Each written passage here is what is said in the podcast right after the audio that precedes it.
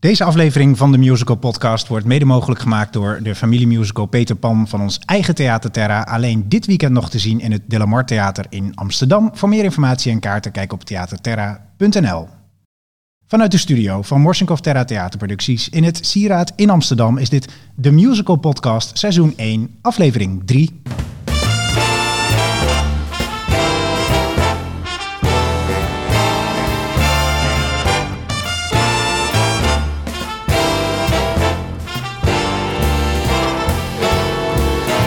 Leuk dat je weer luistert naar deze derde aflevering alweer van de Musical Podcast, waarbij we je meenemen achter de schermen van de Nederlandse musical. Iedere week spreken we met vooraanstaande mensen die werken aan Nederlandse musicals, van acteurs tot regisseurs, van makers tot producenten en van casting directors tot de mensen die verantwoordelijk zijn voor de marketing van musicals. Iedere vrijdag is er een nieuwe aflevering te beluisteren via Spotify en YouTube en vanaf nu ook via Apple en Google Podcast. Dus veel kanalen om ons te beluisteren. En vergeet niet om daarom ook even te abonneren op onze podcast via jouw favoriete kanaal. De Musical Podcast wordt geproduceerd door Morsinkov Terra Theaterproducties. En mijn naam is Michiel Morsinkov, musical producent. Voor meer informatie en een overzicht van alle uh, afleveringen van de Musical Podcast, kijk even op themusicalpodcast.nl. Tijd om te beginnen met deze derde aflevering van de Musical Podcast. En wie is vandaag onze gast? Uh, het leuke is dat de gast van vandaag iemand is die normaal altijd interviews regelt voor andere mensen. In plaats van dat hij zelf geïnterviewd wordt. Dus dat is uh, vandaag even andersom. Hij studeerde oorspronkelijk aan de Hogeschool IJsselland. En werkte lang als de hoofd PR en marketing voor Schouwburg Orpheus in Apeldoorn. Daarna richtte hij 15 jaar geleden alweer zijn eigen full service PR en marketingbureau Royal Promotions op. Sinds 2005 is Royal Promotions uitgegroeid tot een van de grootste PR en marketingbureaus voor de live entertainment en de culturele sector. Hij en zijn team uh, werken onder andere voor Stage Entertainment, Soldaat van Oranje, de Graaf en Cornelis Entertainment, Studio 100, het Musical Awards Gala, het Eurovisie Songfestival, Toppers in Consort en natuurlijk ook ons eigen Morsikov Terra theaterproducties. En de musical waar hij en zijn team uh, de afgelopen jaren, de musicals moet ik zeggen, waar hij en zijn team de afgelopen jaren aan gewerkt hebben, zijn onder andere dus Soldaat van Oranje, maar ook The Sound of Music, Shrek, Dreamgirls, 1418, We Will Rock You, Daans, Evita, Kinky Boots, De Jantjes op Hoop van Zegen, My Fair Lady, The Full Monty, A Chorus Line, Schuldtrillen Musical, Bruglas de Musical. En de lijst gaat door en door en door. Marco de Koning. Hallo, goeiedag. Welkom. Ja, dankjewel. Leuk dat je er bent. Wat een intro, ongelooflijk. Ja, toch best veel wat je, wat je gedaan hebt hè, zo in de afgelopen jaren. Als je dat zo op een rijtje hoort, dan denk je, jee, maar waar hebben we de tijd vandaan gehaald? ja, inderdaad. En uh, nou ja, het blijkt dus al uit, uh, uit, deze intro dat we het vandaag dus gaan hebben over de, de promotie van de musicals, de publiciteit uh, en marketing. Iets heel anders dan in de af, eerste af, twee afleveringen hebben we gesproken met makers van musicals. Um, maar zonder mensen die jouw vak doen, kunnen we nog zo'n mooie musical maken. Maar ja, niemand in de zaal. Dus dat heeft niet zo heel veel uh, uh, zin. Um, wat werkt uh, beter volgens jou? Een goede musical met slechte promotie of een slechte musical met hele goede promotie? Jemig. Um, ik, ik denk een. Als je het dan hebt over, over uh, bezoekersaantallen, dan is het een slechte musical met uh, goede promotie. Werkt denk ik heel goed. Uh, en wat was het, een goede musical met slechte promotie? Ja, die heeft wat meer tijd nodig, denk ik. want volgens mij heb je wel goede promotie nodig om publiek naar je voorstelling te krijgen. Uh, bij Les Miserables vroeger zag je dat wel. Hè? Dus dat was, was, werd totaal niet goed uh, um, gerecenseerd. Maar daar kwamen wel heel veel mensen naartoe. Nou was dat ook een hele goede musical. Dus dat is dubbel. Dus het, kan ook, het zit er een beetje tussenin. Maar voor mij, voor, vanuit mijn vak, hoop ik eigenlijk alleen maar op goede musicals. En dat er dan slechte promo bij zit. Ja, dan moet je misschien een ander bureau inhuren. maar is het mogelijk om een, een, musical die niet zo goed is, toch zo te promoten dat er veel mensen komen? Kijk, bij Les ja. Zei je slechte recensies. Maar je kunt natuurlijk daar je eigen draai aan geven. En een voorstelling op een bepaalde manier aanbieden aan publiek. Ja. Is dat mogelijk om een voorstelling... Ja, Kun je daar een voorbeeld van geven, ook zonder andere collega's? Noem vooral een voorstelling van ons eventueel, maar of andere collega's nee. zonder ze tekort te doen. Uh, nou, ik vond, um, dat was best al lang geleden, dus dat kan ik wel zeggen, de, de King and I van het Koninklijk Ballet van Vlaanderen toen okay, nog. Ja. Dat vond ik echt zo'n baggervoorstelling. en ik was niet de enige gelukkig, dat was echt slechter dan slecht. En trouwens Grace ook, Grace the Musical, dus oh, ook zo'n zo zo'n baggerding. Um, uh, en dat is best goede promo, want het is, dat, is, um, dat, dat zag je wel overal terug. Daar werden wel kaarten voor verkocht, maar dat was gewoon heel slecht. ja, maar toch gelukt. toch gelukt, ja. En andersom natuurlijk ook wel. Maar ik heb ook wel eens uh, dingen waar ik voor werk. Ik, het liefste werk ik voor producties of, of boeken of wat we ook doen. Um, waar ik iets mee heb vanuit de passie. Dat vind ja. ik echt het meest belangrijke. Um, uh, dat, dat, maakt het werk honderd keer leuker. Daarvoor doe ik het ook. Maar soms heb je iets waar je voor werkt... waar je gewoon eigenlijk niet zo achter staat... of wat niet zo, niet zo goed is of mooi is... of waarvan je van tevoren denkt van... jezus, hoe moet het gaan worden? Ja, dat is lastiger. En dan, dan is het een trucje. Dan weet je wel wat je moet doen door ja. al je jaren um, ervaring. Um, en dan komt het wel goed uiteindelijk. Qua, qua promo dan in ieder geval. Maar um, ik, ik heb liever niet dat ik een trucje hoef te doen. Ik heb liever dat ik het gewoon doe omdat ik het fantastisch vind. Meer dat je er een goede voorstelling hebt om te promoten... dan dat er een uitdaging zit om een slechte voorstelling uh, goed te promoten. Ja, kijk, en dan nog is het, is het ook een mening vanuit mij... Hè, of ik iets goed of slecht vind. het kan soms ook dat ik van tevoren denk... oh, dit wordt helemaal niks. En dan zit ik bij een doorloop en denk... oh, wauw, dit is echt fantastisch. En ja. soms andersom ook. Dat, dat is ook best wel raar. Het is gewoon lekker als het samenvalt. Dus dat je al van tevoren zoiets hebt van... nou, hier heb ik zin in, dit wordt leuk... en deze mensen werk ik graag mee... en de titel is goed en de muziek lijkt me fantastisch. En als je dan in zo'n ruimte zit... en je wordt ook nog een keer betoverd... dan, ja, joh, dan is het dubbel fantastisch. Ja. En dan kun je soms nog steeds denken bij de recensies uiteindelijk die uitkomen... van, hè, heb ik nou echt naar een andere voorstelling zitten kijken... want ik vond het fantastisch, maar de recensent vond het helemaal niks... Uh, dus dat is, dat is allemaal heel ingewikkeld en dubbel. Ja. Maar geef mij maar iets wat ik echt heel leuk vind. Dat is uh, voor mij makkelijker werken. En nu doen jullie zowel publiciteit als marketing. Voor mensen die niet in het vak zitten, kun je een beetje uitleggen wat het verschil tussen die twee dingen is? Nou, wat ik altijd simpel zeg is: marketing is geld uitgeven en publiciteit is zorgen dat je gratis dingen voor elkaar krijgt. Er zit altijd wel een beetje een lijn tussen, want sommige uh, onbetaalde dingen moet je ook geld in investeren. Met persdagen bijvoorbeeld. Stel je, je hebt een, een productie, um, een voorstelling die je helemaal in de markt moet zetten. Nou, dan organiseer je over het algemeen een persmoment. Daar moeten toch hapjes zijn. Daar moeten toch mensen naartoe. Daar moet je een locatie voor hebben. Dat kost ook allemaal geld. Maar eigenlijk is het aandacht krijgen zonder ervoor te betalen is publiciteit. En marketing is uh, de posters, de commercials, de dingen die geld kosten. Ja, en um, bij dat gedeelte van uh, publiciteit, daar, uh, dan word je ook al persagent genoemd eigenlijk. Hè? Kun je daar iets over vertellen hoe je, hoe je te werk gaat als persagent? Ik neem aan dat je, je netwerk met journalisten heel belangrijk is daarvoor. Ja, uiteindelijk wel. Dat is, dat, ik, ik ben ook ooit begonnen natuurlijk. En toen had ik ook niet echt een netwerk. Toen had ik een perslijst. En die kun je kopen ergens. Dan krijg je een Excelletje en dan staat erin bij de Telegraaf moet je die en die hebben. En dan de eerste keer, dat was toen nog Wilma Nanninga. Ja. de eerste keer dat ik haar belde, had ik echt zoiets met, met trillende hand aan de telefoon van... hallo mevrouw Nanninga met Marco. en ik doe uh, de, de pers voor die en die voorstelling. En Romeo en Julia was dat, bij de musical. Okay. Uh, en en kunnen, we, kunnen we iets? En, en ik was heel bang voor haar reactie, maar ze reageerde heel leuk. Dus uh, in het begin heb je eigenlijk niks en heb je, op een gegeven moment krijg je de contacten wel. Omdat, dat, maar dat heeft er ook mee te maken dat, uh, stel je, je werkt met hele leuke producties en met leuke mensen daarin, dan komen die contacten ook heel snel van de pers. En dan is het heel makkelijk van, hé, hey, vorige week hebben we elkaar toch gesproken over de toppers uh, met René Vroger, maar ik heb nu, heb ik Kikker, de voorstelling, ja. musical, heel wat anders, maar ook toppers op zich. En weet je, dan maak je ja. zo'n verbinding.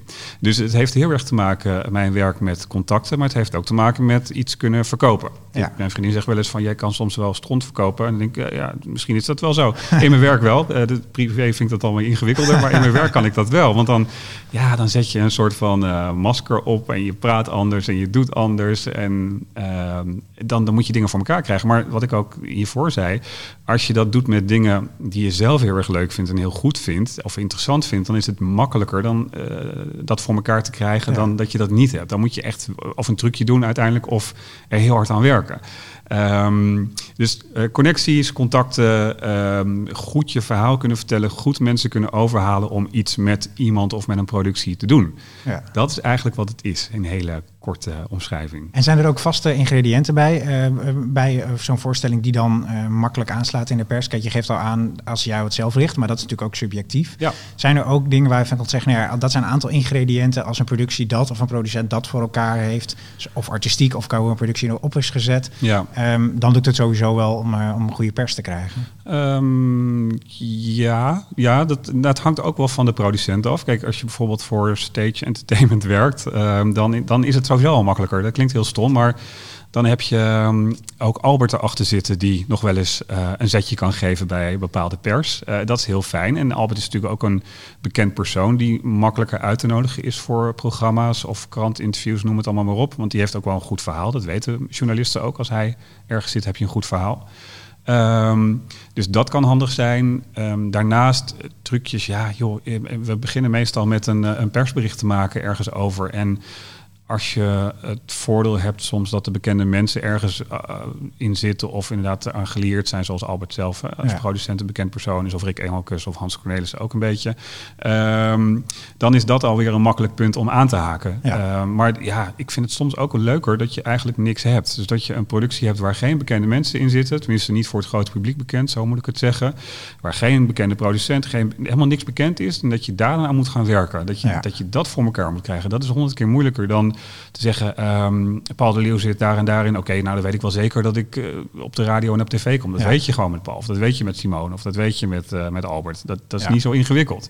Het ingewikkelde daar weer aan is, en dat is bijvoorbeeld bij de toppers altijd heel erg, is dat je, dat je de mensen de goede dingen laat zeggen. Dat ze de goede boodschap overbrengen. Want Hè, toppers, uh, René en Jeroen en Gerard, zeker Gerard. En zeker toen Gordon er nog bij was. Ja, dat zijn, dat zijn projectielen. Die, die gaan los en die, die zeggen alle verkeerde dingen die je ja. niet in de media wil hebben. En dat moet je dan corrigeren. En die hebben ook nog een nieuwe, nieuwe plaat die ze nog even willen verkopen. Ja, nou ja dat is het. Weet je, dat zijn meerdere boodschappen die je dan moet gaan vertellen. En dan, dan denk je eigenlijk te zitten voor iets. En dan gaat het helemaal ergens anders over. Ja, en dat moet je dan recht proberen. En dat vond ik in het begin moeilijk hoor, om dat recht te trekken. Tegenwoordig dan breek ik gewoon in en zeg, joh, we gaan het nu even hebben over dit en dat. Want daarvoor kwamen we. En dan, daarna mag je het wel weer over die nieuwe single hebben. Even terug naar wat je net zei over uh, als het een productie is met geen bekende mensen, geen bekende producent. En dat je het dan leuk vindt dat het wel lukt. Wil je daar een voorbeeld van geven? Um, Oeh, dat, nou ja, dat, zijn, dat, zijn, dat is bij jullie nog wel eens het geval ja. natuurlijk. Um, en, maar dat bedoel ik ook weer niet lullig naar de ja. mensen die erin zitten of de, de, het creatieve team wat erachter zit. Want voor onze wereld zijn die wel heel bekend en ja. vooral heel erg goed over het algemeen. Maar uh, dat is wel vaak het geval dat je dan met een productie, ja, de titels zijn meestal nog wel gekend, maar de mensen die erin zitten zijn misschien voor een kleinere groep gekend. Nou ja, met Brugklas was het dan weer wat hè, makkelijker met een aantal namen die erin zaten en met een aantal producties daarvoor ook. Maar je hebt soms producties, daar zitten gewoon geen bekende namen of sterren in. En um, dan moet je echt je best doen om het in, in media te krijgen. En dan hebben we wel weer het voordeel als Royal zijnde um, dat we. Uh, dat, we wat, uh, dat we in ieder geval gelezen worden. Onze persberichten worden gelezen door de ja. media. Dat scheelt een hoop. En dan kunnen we er achteraan bellen en zeggen... joh, doe er nou wat mee. Want het is echt gewoon goed en het is echt de moeite waard. Kijk, en daarna mag de journalist zelf beslissen... wat ze ermee moeten doen of wat ze ermee willen doen. Maar dan ja. hebben wij in ieder geval ons best gedaan. Ja, maar ik vind het dus wel... Ja, ik vind het leuk. Ik vind het ook leuk om, om makkelijke dingen te hebben, hoor. Laat ik dat voorop stellen. Maar ik vind het ook leuk om moeilijkere dingen. En kijk, en met Soldaat... Soldaat van Oranje. Kijk, die titel is, daar hoeven we niet ingewikkeld over te doen. Hè? Dat kent iedereen. En dat is, maar het moeilijke is wel nu na bijna tien jaar... om, om het nog een beetje fatsoenlijk in de media te krijgen. En dat lukt meestal wel, omdat we wel wat te melden hebben. En we ja. bestaan lang en we zitten vol. Maar met de cast daar hoef je niet van te hebben. Uh, qua bekende namen dan ja. bedoel ik. Hè? Dat, is, dat is lastig. Soms wel een Van het Zand of een koningin die dan bekend is. Maar over het algemeen niet. Um, en dat, dat, is, dat is dan wat lastiger. Zelfs dus dan ga je elke titel. keer op zoek naar een nieuwe invalshoek samen met de producent. Ja, ja, meestal zoek je naar invalshoeken. En soms denk je ook gewoon, joh, doe er wat mee. Want het is echt wel de moeite waard wat hij of zij te vertellen heeft over zijn of haar rol. Um, of, of, of zijn, zijn of haar leven. Dat is misschien nog interessanter soms. Ja. Uh, en dat gekoppeld aan de voorstelling. Ja, je zoekt altijd wel naar haakjes, klopt. Ja. En uh, je noemde net al even, zowel bij onze producties als bij uh, Soldaat van Oranje, de titel. Die is, mm -hmm. neem ik aan, ook heel belangrijk. Hoe ja. is dat? Uh, in Broadway, zegt, op Broadway zeggen ze wel eens, de show is the star. Want, ja. hè, als je kijkt naar grote musicals in New York op Broadway, daar staan ook geen bekende acteurs in. Wel een toneelstukken, maar we hebben het nu even over musicals. Maar daar gaat het echt om, om die titel. Ja. Is dat ook hier in Nederland het allerbelangrijkste? Nou, in Nederland merk je wel voor het algemene publiek dat, het, dat, dat zij het wel leuk vinden als er een bekende naam in zit. Dus ja. kijk naar Hello Dolly afgelopen seizoen, wat, wat eigenlijk nog hoort te lopen. Paul Leeuw, Simone Kleinsma, ja. Jurgen Rijman, dat zijn wel namen wat je eigenlijk niet hoeft uit te leggen. Ja, en dat precies. vinden mensen wel heel erg leuk, merk ik. Um, maar bij een soldaat, wat, wat inderdaad bij een soldaat is het, de show is, uh, is, de, ster, is de ster. Ja. Uh, show, de voorstelling is de ster. Ik mag het geen show noemen. um, daar geldt het wel voor. En um, ja, soms, zeker bij de jeugdproducties, de jonge productie, als je dan bijvoorbeeld een Aladdin hebt gedaan of een Peter Pan nu, dat zijn wel titels die hoef je in principe niet uit te leggen aan mensen. Die ja. snappen wel, oh, ik ga Peter Pan, uh, maar dan is het wel weer leuk om uit te leggen door welke mensen het is gemaakt. Dus wat ja. mensen kunnen gaan verwachten. Uh, en als ze dan in de zaal zitten, dan weet ik zeker dat het wel goed komt, want het is gewoon een goede voorstelling. Ja. Um, maar dat, ja, ik, in, in Nederland is het een beetje dubbel. Het is de, de afgelopen twintig jaar wel zo gecreëerd, zeker ook bij Joop in het verleden, dat er, dat er gewoon goede bekende namen in moesten zitten. En die, die konden wel wat, hè, laten we dat vooropstellen. Ja, ja. uh, anders sta je er ook niet. Maar um, dat is wel vaak, uh, hoe noem je dat, sterk casting geweest. En niet zozeer. Ja. Maar ja, kijk ook weer naar de Miserabele, de Nederlandse versie, de eerste alles wat daarin zat is nu bekend, maar dat was toen niet bekend. Ja, ja. los van Paul de Leeuw en Simone Kleinsma en Danny de Munk dan. Uh, zijn er toch wel weer drie waar je wat mee kan.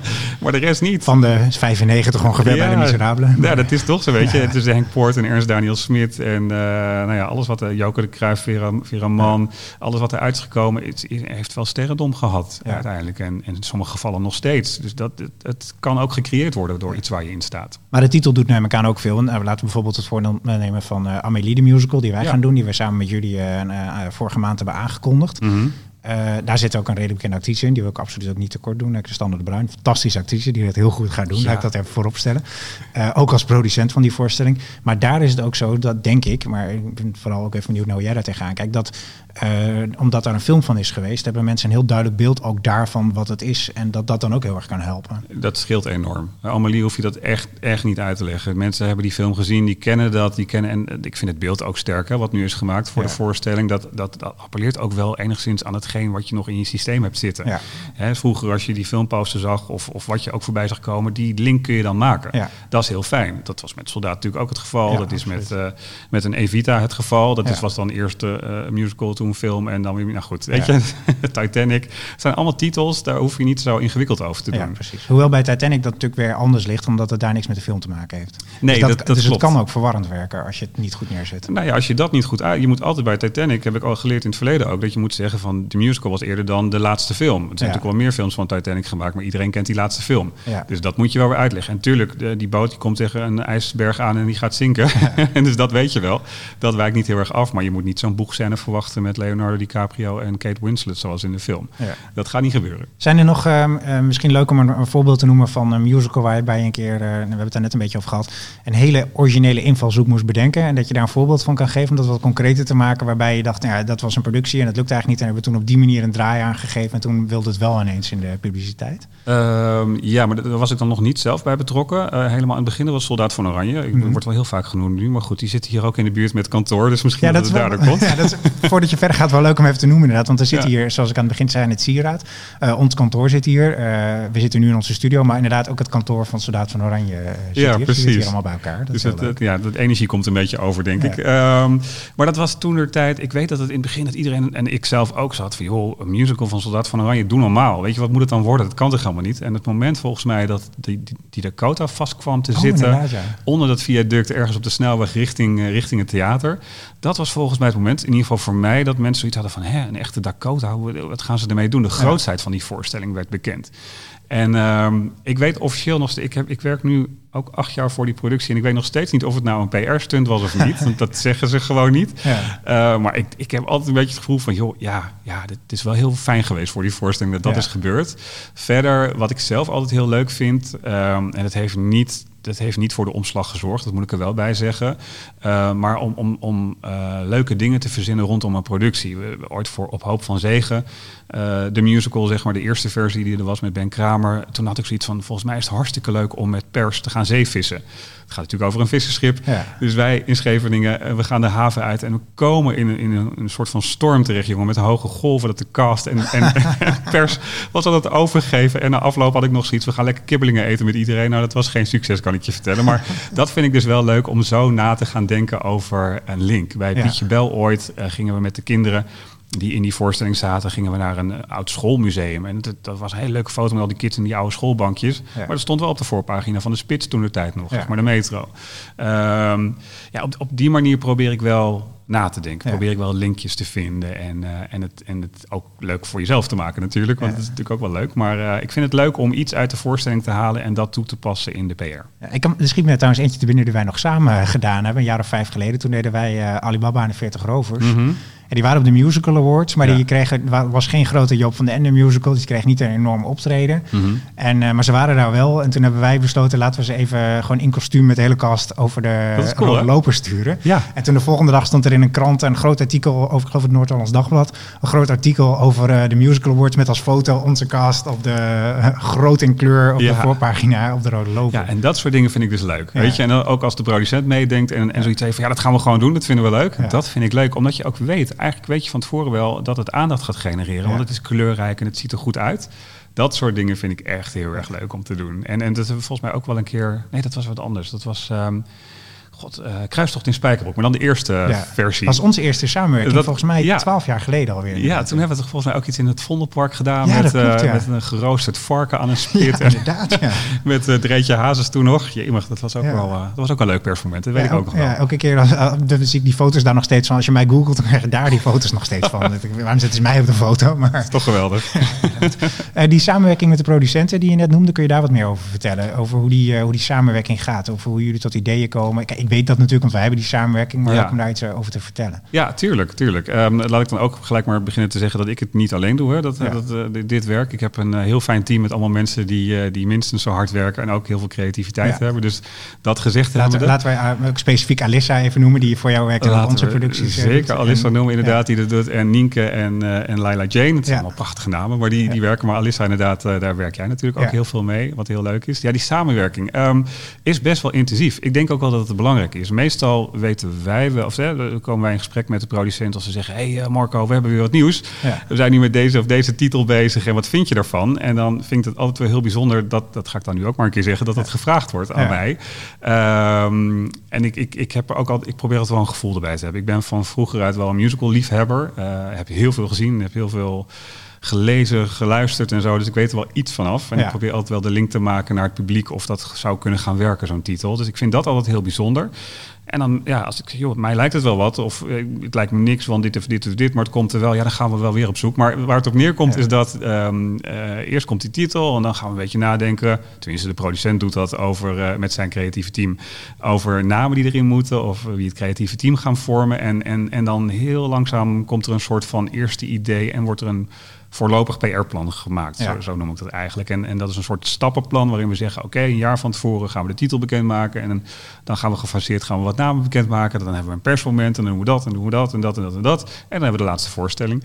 Um, dus ik, wat ik heel leuk vind, is dat we echt in een vroegtijdig stadium betrokken worden door een producent. Um, al met de vraag of met de opmerking van: joh, dit, dit gaan we doen. Deze productie gaan we doen. En deze mensen zijn we over aan het nadenken. En dan samen tot iets moois komen. Dus wel veel overleg met alles en iedereen. En dan ja, kijken hoe je het meeste uit zo'n voorstelling publicitair, marketing-wise kunt halen. Dat vind ik heel leuk. En dat, dat is niet wat wij als Royal zijnde alleen bedenken, maar dat doet de producent ook. En ook heel vaak en dat vind ik ook heel leuk, is dat, dat het creatieve team of de mensen die erin zitten, of het orkest of de technici al mee gaan denken. Want die hebben vaak ook zoiets van, joh, waarom heb je hier niet aan gedacht? En ik kom daar en daar en daar vandaan. Waarom doen we niet in die stad nog iets extra's rondom publiciteit? Ja, dat vind ik heel erg leuk. Ja, dus, en dat doen jullie ook veel, hè? dat je uh, niet alleen uh, landelijk uh, de publiciteit benadert, maar ook gaat kijken waar speelt die voorstelling en met de regionale publiciteit ja. aan de slag gaat. Ja, ja klopt. En, dat, en dan is het heel grappig om te zien dat bijvoorbeeld dingen die in Friesland werken, werken dan in Brabant misschien helemaal niet. Of dingen die in Zuid-Holland heel goed werken, werken in Noord-Holland naast elkaar dan weer niet. Ja. Heel grappig om te zien hoe dat ook werkt, dat, dat landelijke pers... Um, anders is dan regionale pers. Als je bijvoorbeeld een ploeg van Shoney's of Boulevard hebt staan en een cameraploeg aan een rode loper, denk je, oh, dat zijn moeilijke mensen.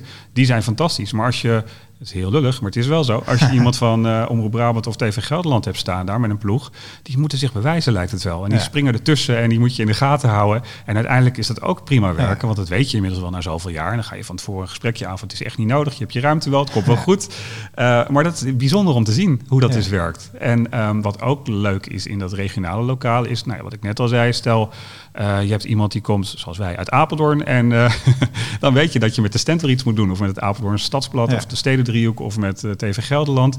Daar kun je weer aparte publiciteit mee halen. Ja. Hoe is het met, soms heb je ook te maken met, met tegenstrijdige belangen bijna. Dat je bijvoorbeeld, je hebt aan de musical 14, 18 gewerkt en 40, 45. Nou is dat wel in België, maar ook aan Soldaat van Oranje. Maar er zijn wel producties die vaker recht tegenover elkaar staan. Hoe ga je daarmee om? Ja, nou ja, voornamelijk heel eerlijk en duidelijk. En ehm, ik, ik heb wel geleerd dat je dingen heel makkelijk kan scheiden. Ehm, dus je, je, moet, je moet wat, wat belangrijk, wat we wel een keer hebben gehad, dat gelijk maar een moeilijkheidje daaraan is dat we wel een keer um, première hadden van drie voorstellingen op één dag. Ja. En dat waren wel, die, die, die uren lagen redelijk van elkaar. eentje was de middags, eentje was te beginavond en eentje om acht uur. En toen hadden we bedacht van, want daar werkten we alle drie voor. Toen hadden we bedacht, nou, dan laten we gewoon busjes rijden met pers van de ene première naar de andere première naar de andere première. En dan, dan bij, de, bij die eerste, het was al geen discussie, die pakten ze gewoon de rode loper mee en een stukje voorstelling. En bij die tweede hadden ze alleen de rode loper.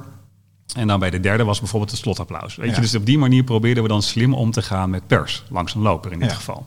Uh, dus, dus het kan ook zijn voordeel hebben. Uh, ik heb wel ooit een keer de situatie gehad. We deden toen Pietje Bel.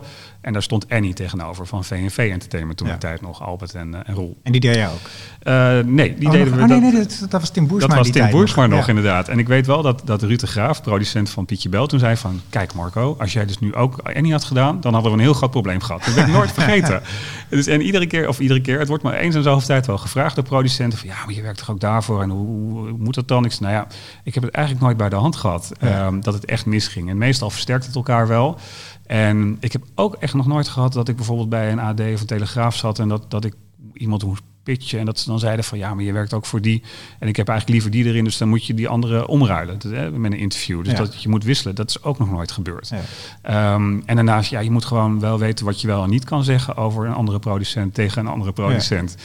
En dat, dat weet je op een gegeven moment ook wel wat je wel en niet kan zeggen. Weet je, dat, dat sommige dingen moet je gewoon uh, binnen het bedrijf, binnen de bedrijven houden. Nee. En het is niet bedoeld voor de buitenwereld. Ja, ik, want ik stel de vraag, maar ik kan tegelijkertijd als, als producent ook beamen dat dat voor ons nooit een probleem is geweest. Sterker nog, ik zie het vaak ook als een voordeel, omdat ik dan uh, aan jou voor ga gewoon die productie doen en gaat op die en die datum in première. Ja. En dan zeg jij tegen mij, ja, dat is heel leuk, maar dan staat ook uh, Tina van Stage Entertainment, waar alles en iedereen bij is. Ja. En dan gaan wij met onze theaters in overleg, oké, okay, laten we een dag eerder of een dag later in première gaan. Ja. Waardoor, waardoor jullie dan weer vanuit Royal Promotions met die pers aan de, aan de gang gaan. Oké, okay, je gaat dan naar Tina bijvoorbeeld, hè. maar ga dan ook naar, naar die productie van, uh, van, van Morsink of Terra. En ik, dat werkt eigenlijk hartstikke goed. Dus dat, dat, dat werkt over het algemeen heel goed. Dan zijn jullie wel, en dat is geen slijmerij, maar gewoon feitelijk wel een producent die daar ook over nadenkt. Dat is heel fijn. En niet een uh, soort van arrogant zegt, ja, dan hebben we maar pech, uh, we gaan gewoon door. Want je wilt toch goede aandacht hebben, lijkt ja. mij altijd. Dus dat is in jullie geval wel heel fijn. maar er zijn ook producenten die dan zeggen, ja goed, nou, daar staat er maar Tina tegenover. ze zoeken het maar uit met die Tina. Ja. Weet je, en dan, ja, dan, en dan zeg ik altijd wel van, ik ben ook reëel genoeg om te zeggen, ja, maar je weet gewoon dat bij Tina veel pers gaat komen. Ja. Want die hebben leuke BN'ers, die hebben, het is in een mooi theater, alles is verzorgd, ze krijgen lekker eten, die pers, dus die gaan daar naartoe. Ja, en dan is het inderdaad aan een producent, een eindbeslisser, om te zeggen wat ze dan wel of niet doen. Ja. Hoe belangrijk zijn die BN'ers niet in de voorstelling, maar die komen op de, op de première? Voor een bepaald soort pers, uh, dan heb ik het over de bladen, noemen we dat altijd maar, de story, ja. party, privé, uh, weekend. Um, boulevard, shownieuws, Telegraaf, TV, fotografen die hun foto's uh, van BN'ers slijten bij allerlei media. voor die pers is het heel belangrijk om een leuke rode loper te hebben met BN'ers eroverheen ik vind zelf voor de voorstelling vind ik, het, vind ik het heel fijn dat we die aandacht hebben. Omdat je altijd met, op zo'n loper met grote logo's erachter werkt. Dat je wel ja. ziet op welke première mensen zijn. Dus die associatie gaat bij het gewone publiek wel in het hoofd zitten. Van, oh, uh, die persoon, Marco Borsato is bij Tina geweest. Dus dan is het wel, dan moet ja. het goed zijn. Voor de aandacht, bij shownieuws bijvoorbeeld, denk ik altijd van... ja, Shownieuws vraagt altijd vooraf aan zo'n BN'er... wat denk je van de voorstelling te gaan vinden? Ik heb er toch niks aan. Geen want, idee. Nee, ja, het wordt vast heel leuk, want ik heb er zin in. Ik ben Tina Turner fan. Ja, nou, uh, lekker belangrijk. daar, daar, daar hoef je het niet voor te... Tenminste, uh, voor het gewone publiek, die, die, die vindt dat denk ik niet zo heel boeiend. Maar voor mij, dat ik denk, ja, wat, wat moet ik ermee? Dat iemand zegt, het lijkt me heel leuk. Ik wil liever na afloop dat ze met tranen in de ogen zitten. Niet dat het slecht was, maar dat het zo goed was. Ja. Dat heb ik liever, dat dat op camera komt. Maar dan is show niet altijd alweer weg. Want die hebben s'avonds alweer een aflevering te editen. Ja. Dus uh, dat is een beetje dubbel. En stuur je daar ook op dan dat je met die pers praat van ja, heel leuk dat, uh, dat uh, Marco Borsato op de rode loper staat, maar het gaat hier om uh, kikker of Tina. Nou, nee, bij de loper niet. Daar stuur ik niet op, want ja. die pers nodig ik ook specifiek daarvoor uit. Ja. Um, bij, ik probeer wel altijd ze te houden, de pers. Dat ja. ik wel zeg van joh, op het eind hebben we nog een mooi fotomomentje. Want met Fayen hebben we dat ooit gedaan. Dat was Shrek en die zat toen in de Voice Kids en Marco Borsato was haar coach. Noem je dat? Ah, ja, coach. inderdaad. En toen hadden we wel zoiets van, nou, we zorgen wel dat er een foto komt van Van Jem met Marco, die elkaar omarmen bij het Ja. slotapplaus. Dus dat zeg je dan wel tegen pers van, joh, weet in ieder geval dat we dit gaan doen. Ja. Dus het is echt wel de moeite waard uh, om te blijven. En dan blijven ze, want het zijn net de shots die ze willen hebben of later goed kunnen gebruiken in de media. Uh, als er bepaalde roddels gaan. In dit geval niet over hun, gelukkig, maar dat zou wel kunnen.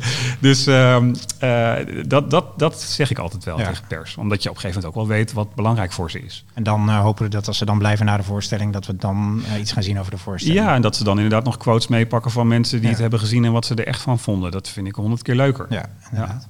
Nog even terugkomend op uh, wat je zei over uh, dat jij eigenlijk in een heel vroeg stadium betrokken wordt bij als projecten gestart worden. Mm. Dat geldt overigens ook voor mij. Ik vind het daarom leuk dat we samenwerken, dat ik dat ook een beetje wat voorbeelden bij kan geven. Dat soms dan, dan, dan hebben wij een project dat we wellicht gaan doen en dan, dan stuur ik jou over een WhatsAppje met een fotootje erbij en dan vaak weet jij het al eerder dan ons team op kantoor of zo. um, maar heb je ook wel eens invloed op de voorstellingen die geproduceerd worden? Of denk je wel eens mee? Of zijn er wel eens projecten geweest waar, waar jij eigenlijk een beetje met het idee kwam? Goh, um, ja, ik, heb, ik denk, ja, dat zou dan denk ik voornamelijk bij Ruud en bij Hans zijn, denk ik. Dat ik, uh, want daar werk ik echt al het langste voor. Dat ik wel zeg van, joh, die titel en die titel. En wij hebben ook wel zo'n onder onsje natuurlijk. Maar ik vind, denk niet dat ik daar heel veel invloed op heb. Maar dat moet jij maar zeggen. um, je bent soms over alles enthousiast, dus soms moet ik het ook filteren. Met, ja, nou ja, maar dat komt dan misschien dat, je, dat, dat titels waar je mee komt. Maar ik heb wel eens een keer dat, dat, um, uh, dat is, ja, ik ga gewoon een voorbeeld geven, kan mij het ook schelen. Ik weet wel dat ze met Kinky Boots kwamen, Ruud en Hans, uh, afgelopen seizoen. Wat ik, um, daar had ik nog niet zoveel over, uh, die had ik nog niet goed beluisterd. Daar had ik alleen wat foto's van gezien en de titel. Ik dacht, ja, maar dat gaat er niet, gaat er niet worden. Echt heel slecht. En ik weet dat ik later de muziek ging luisteren. dacht ik, shit man, dat is echt hartstikke goed. Gewoon lekkere muziek. Dus waar heb ik het over? Maar daar had ik wel zoiets van, moet je dat wel doen? Dat heb ik ook heel duidelijk gezegd. Ja. En achteraf, uh, bullshit dat ik het zei, want het was echt een hele goede, fijne voorstelling met fijne mensen erin. Um, maar ik heb, ik heb met hun wel zo over inderdaad van, joh, moeten we niet uh, deze of deze titel gaan doen? Of, um, ja, en dan, daar, wordt wel, daar wordt wel naar geluisterd. Maar ik denk niet dat ik de final say daarin heb hoor, echt niet. Maar er is nog niet een project wat je nu kan noemen dat je denkt van, oh ja, die voorstelling was eigenlijk niet geweest als... nee. Nee. Moet nog een keer komen dan. Nou, dat ik wacht op je tip. Ja. Jammer nummer. Dat, ik, ik ga je een tip geven straks, goed?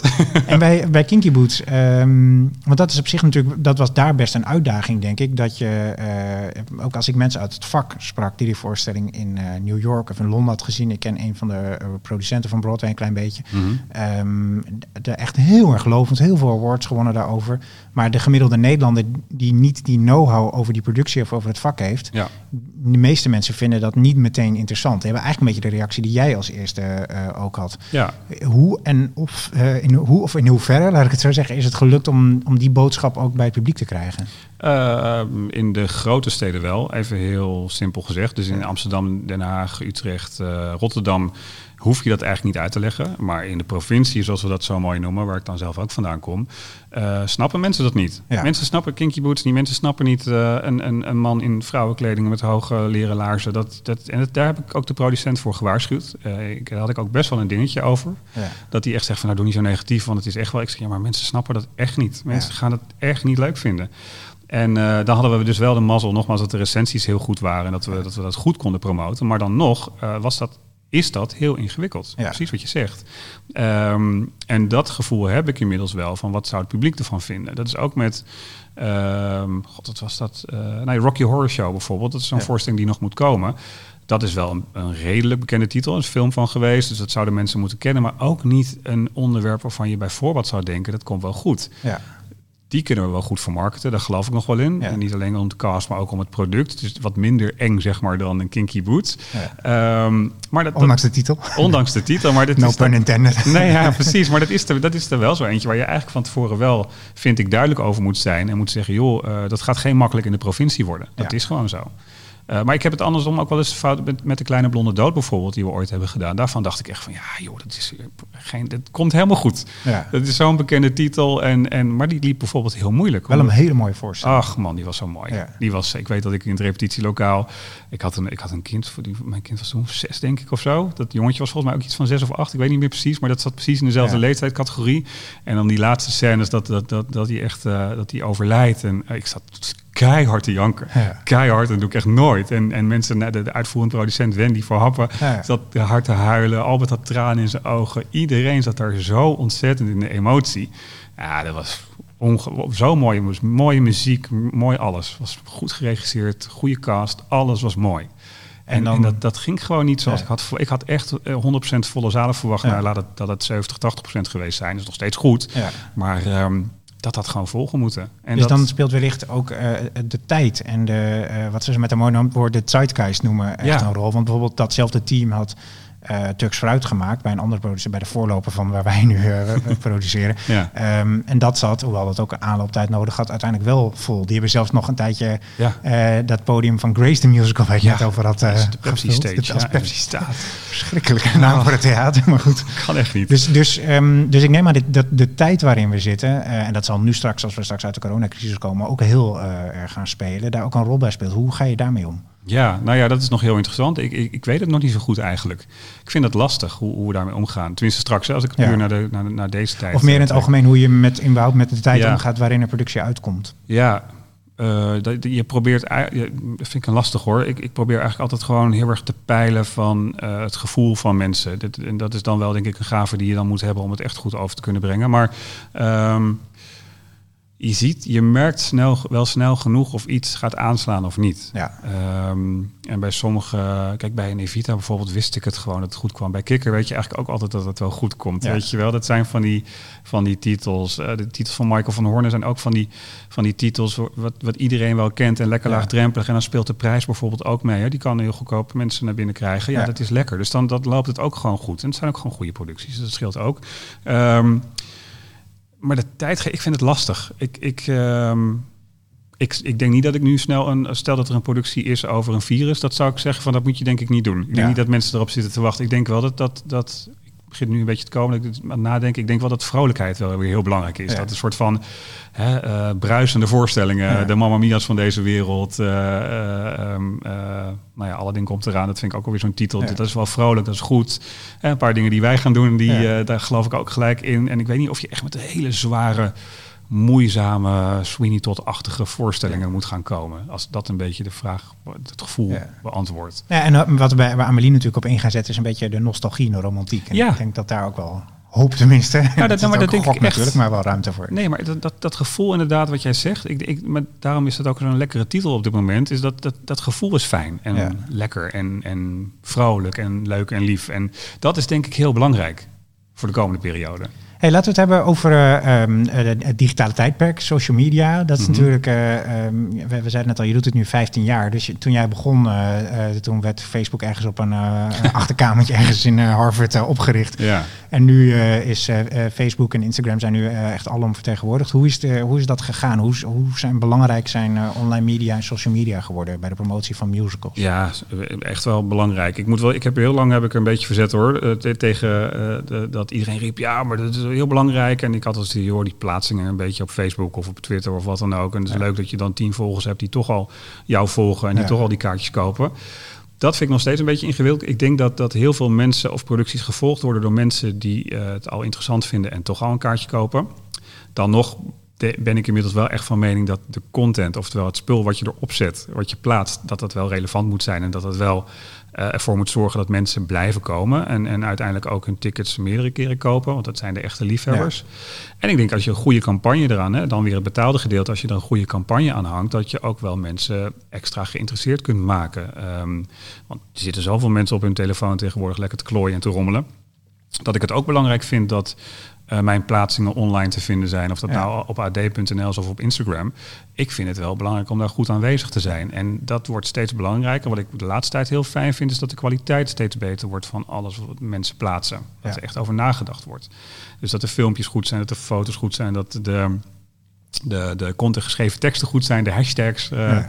eh, waar het naartoe leidt, ehm, dat, dat dat allemaal over nagedacht is. Dus dat wij proberen ook steeds meer handboeken te maken voor eh, cast en voor creatives op het social gebied. Van jongens, denk hieraan, denk daaraan, doe dit wel, doe dit niet. En dat zijn dan nog steeds handvatten. Ze mogen altijd zelf kijken wat de producent in ieder geval wel of niet vindt. Maar wat ze ermee doen, dan heb ik het over cast, ehm, die iets plaatst. Ehm, dus dat proberen we wel steeds meer te doen. En we, we proberen ook echt campagnes eraan te koppelen. Dus ingekochte campagnes. Eh, en soms heb je daar ook gewoon bureaus voor die dat beter kunnen dan, dan dat wij dat kunnen. Ehm, eh, dus dat, moet je, dat is ook belangrijk om daar Ja. je kracht of, wel of niet in te herkennen. Ehm, Dus het, het, wordt meer en meer en meer. En, en um, zodra, zolang de, de content, de informatie die je um, deelt op die media relevant is, vind ik het een, een, een, aanvulling. Meer dan aanvulling. Het is heel direct contact met je liefhebbers. Ja, want is het echt een aanvulling of zie je ook langzaam echt een verschuiving dat het belangrijker wordt dan traditionele media? Ja, ja en nee. Nee, want je ziet dat traditionele media, en dat roep ik ook steeds uh, tegen producenten, van joh, de traditionele media is en blijft. Ja. En dat zie je nu ook in deze tijden ook weer. Er wordt meer tv gekeken dan ooit. Ja. Omdat, ik, als ik naar mezelf kijk, als ik nu Facebook uh, lees of terugkijk, wat een bak ellende daarover uitgestort wordt. Als je ergens een, iedereen heeft een mening. En dat mag ook, want ik heb nu ook een mening over dat iedereen een mening heeft. Maar uh, dat is het dubbele eraan. Alleen ik heb niet de behoefte om dat te ventileren via Facebook of Twitter of Instagram onder foto's. Dat, dat, En dat, als, ik, als ik nu iets lees over, daar heb jij ook iets over gezegd, over bijvoorbeeld uh, bij de Tocht. Dat is een nieuwe musical die gaat komen over de Elfstedentocht. Daar is dan iets uh, waarbij mensen worden toegelaten uh, bij ehm, audities. Ehm, daar zegt iemand iets over die ook voor ons bedrijf zegt, voor jullie bedrijf werkt. Ja. Um, nou, daar wordt ook op gereageerd door een aantal mensen. Jij ook. Ik had daar ook wel iets over kunnen zeggen. En ik van ja, dat snap ik wel, maar het hoeft niet zo heftig, want je weet niet precies wat, er, wat we daar gaan doen en hoe ja. we dat gaan doen. Ik doe daar ook de publiciteit voor. Ja, dus ik kan net zeggen, maar full disclosure. ja, dus dat, dat kan ook. En dan soms denk ik van, denk even iets beter na voordat je vanuit emotie iets meldt. Want de gedachte daarachter klopt wel. En die mensen die daarachter zitten, die weten ook echt wel hoe het zit met auditanten. Weet je, dat, en het is natuurlijk, het is een heel dubbel ding. En, en um, het feit dat ze die actie hebben geplaatst, is natuurlijk ook wel over nagedacht, omdat ja. het ook wel iets oplevert. Nou, dat zie je nu wel. Alleen, ik, ik, dat is een minder heftig ding wat ik nu zeg, ja. maar dat is wel een voorbeeld waarvan ik denk, je mag jongens, hou even, denk even na. Doe even, er zit wel echt wel een gedachte achter. En laat staan over nu alles met Black Lives Matters en Trump en uh, de, de Pieter-discussie die nu alweer loskomt, terecht overigens, ook weer een mening. Um, dus, dus weet je. Um... En, even, en, nog heel even ter verduidelijking wat je precies bedoelde bij de tocht. Dus dat is, laten we dat even dan. Oh ja, natuurlijk. Ja. Dan, en, en, wij weten precies waar we het over hebben. Maar dit ja. is dus een musical die wordt gemaakt in Friesland. Of rond de Elfstedentocht. Ja. Uh, en daar hebben ze het plan om uh, publiek toe te laten bij audities. En daar is ook op social media het een en ander over gezegd. Ook door een regisseur die voor ons werkt. En, maar tegelijkertijd zou dat ook natuurlijk een heel erg een kracht kunnen zijn. Dat als je je productie zo neerzet. dat mensen op social media over je gaan praten. Desnoods negatief. Dan dat bericht het wel weer gedeeld en over gesproken werd. Nou dus ja, je kunt het ook gebruiken, denk ik. Ik toch? heb ook letterlijk tegen de producent van de toch gezegd: laat het maar gebeuren. Want ja. het, is, het is wel leuk dat de interactie uh, komt. Maar dan moet je wel goed uitleggen. Want dat hebben we dus in het voortraject niet gedaan. Dus ja. dat zeg ik ook als een learning. Want je doet er wat mee. Want je hebt het gewoon niet goed uitgelegd. Dus daarom krijg je dit soort discussie. Dus ik vind dat heel goed. En tuurlijk, um, maar dat is zeker met toppers. Weet je, als je Gerard bepaalde dingen hoort zeggen, dan denk je, oh, dat kan echt niet. En als je dan de reacties ook eronder leest, dan kan het ook echt niet. omdat heel Nederland daarover valt. Ja, nou ja, daar leer je dan weer wat van. Maar het is, het, er wordt over je gesproken. Weet maar je? heb je ook wel eens gehad dat je inderdaad echt bewust iets met een, uh, met een randje zeg maar, uitgebracht hebben van, want dan gaat er over gesproken worden. En dan krijgen we daar publiciteit dan, uh, of dat nou op social media is of dat mensen het er gewoon uh, bij de koffieapparaat over hebben. Ja, ja, dat gebeurt wel. En dat zijn, dat, daar moet ik wel zeggen dat ik daar meestal niet gelijk van ben. Ik zet het meestal wel in het plan. Weet je, ja. je kan dit en dit ook doen, maar ik denk niet dat het slim is, want dit ja. kan het doen. Net of ik heel braaf, want ik vind het namelijk ook heel leuk als dingen misgaan in de publiciteit. Dat vind ik echt leuk. Ja. uh, want dan heb je namelijk wat te doen.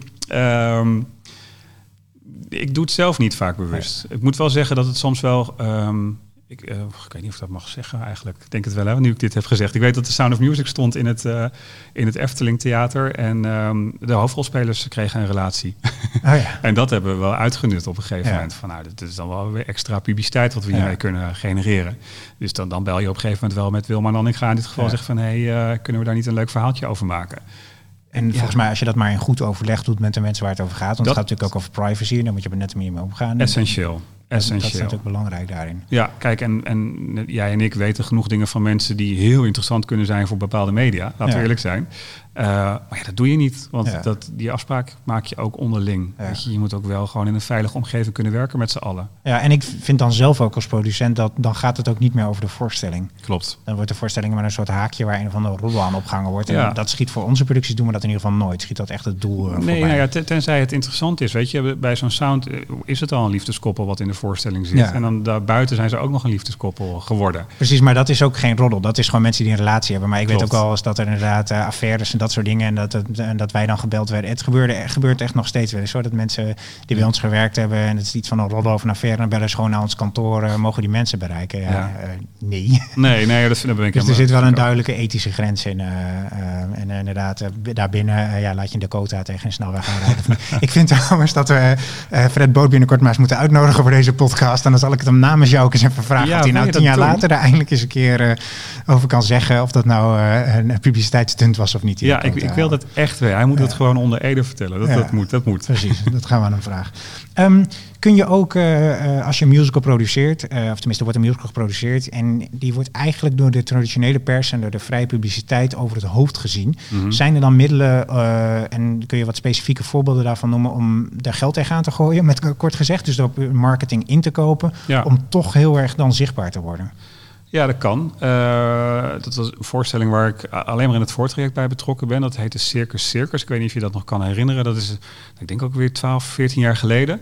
Eh, dat was een, een, een, een soort Soleil, maar dan vanuit Afrikaans oogpunt eh, Ja. opge- opgezet. En ehm, dat was in de reguliere media eigenlijk in het voortraject niet erin te krijgen. En toen hebben, is ervoor gekozen om, toen was ik er al niet meer bij betrokken.